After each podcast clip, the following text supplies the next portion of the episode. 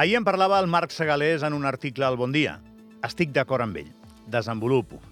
Algú, no sé qui, però algú va fer córrer un rumor darrerament sobre un dels candidats que va guanyar les darreres eleccions. Ja ha promès el càrrec eh, i ja està desenvolupant la seva tasca, la que li han encomanat als ciutadans amb el seu vot.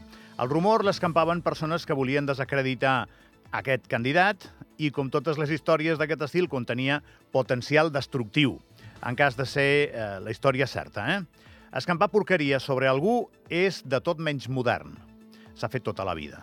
El que ja resulta més propi d'aquests temps és l'efectivitat i les xarxes socials li donen un recorregut molt ràpid a aquestes coses. Com més pudor fan, més ràpid viatgen a través de les xarxes. I tu no saps molt bé com, però t'acabes trobant, per poc que consultis les xarxes socials, aquesta història al davant. I la llegeixes. Igual sense ganes, però la llegeixes. I un cop ho has fet, ja tens aquesta informació dins teu i combatre els seus efectes no és senzill perquè sempre quedes afectat pel que et diuen o llegeixes. Tu que m'escoltes, i tothom, eh? no és un retret cap a tu, això em passa a mi també. Eh? Només la maduresa i el criteri et poden ajudar a no fer ni cas de la porqueria que s'escampa anònimament. I un dia més ho dic així, i remarco, i subratllo, i insisteixo, anònimament.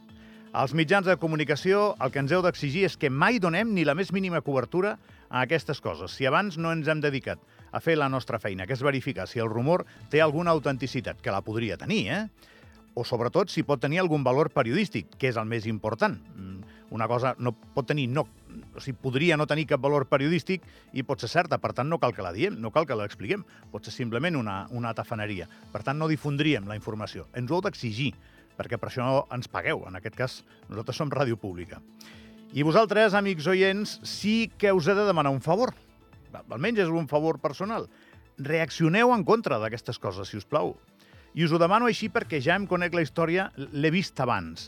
Si el rumor o la merda escampada ens quadra perquè contribueix a desprestigiar algú que no ens cau bé, li donem bola. I el podem compartir, el rumor, i fins i tot celebrar, eh? I això no va així. L'exemple més gros dels darrers temps no és el d'aquesta setmana és aquell diari satíric de la darrera campanya de les Generals. Ni allò, ni això, ni res. La porqueria anònima és porqueria anònima. I qui celebra, comparteix o alimenta la porqueria passa a ser automàticament un porc.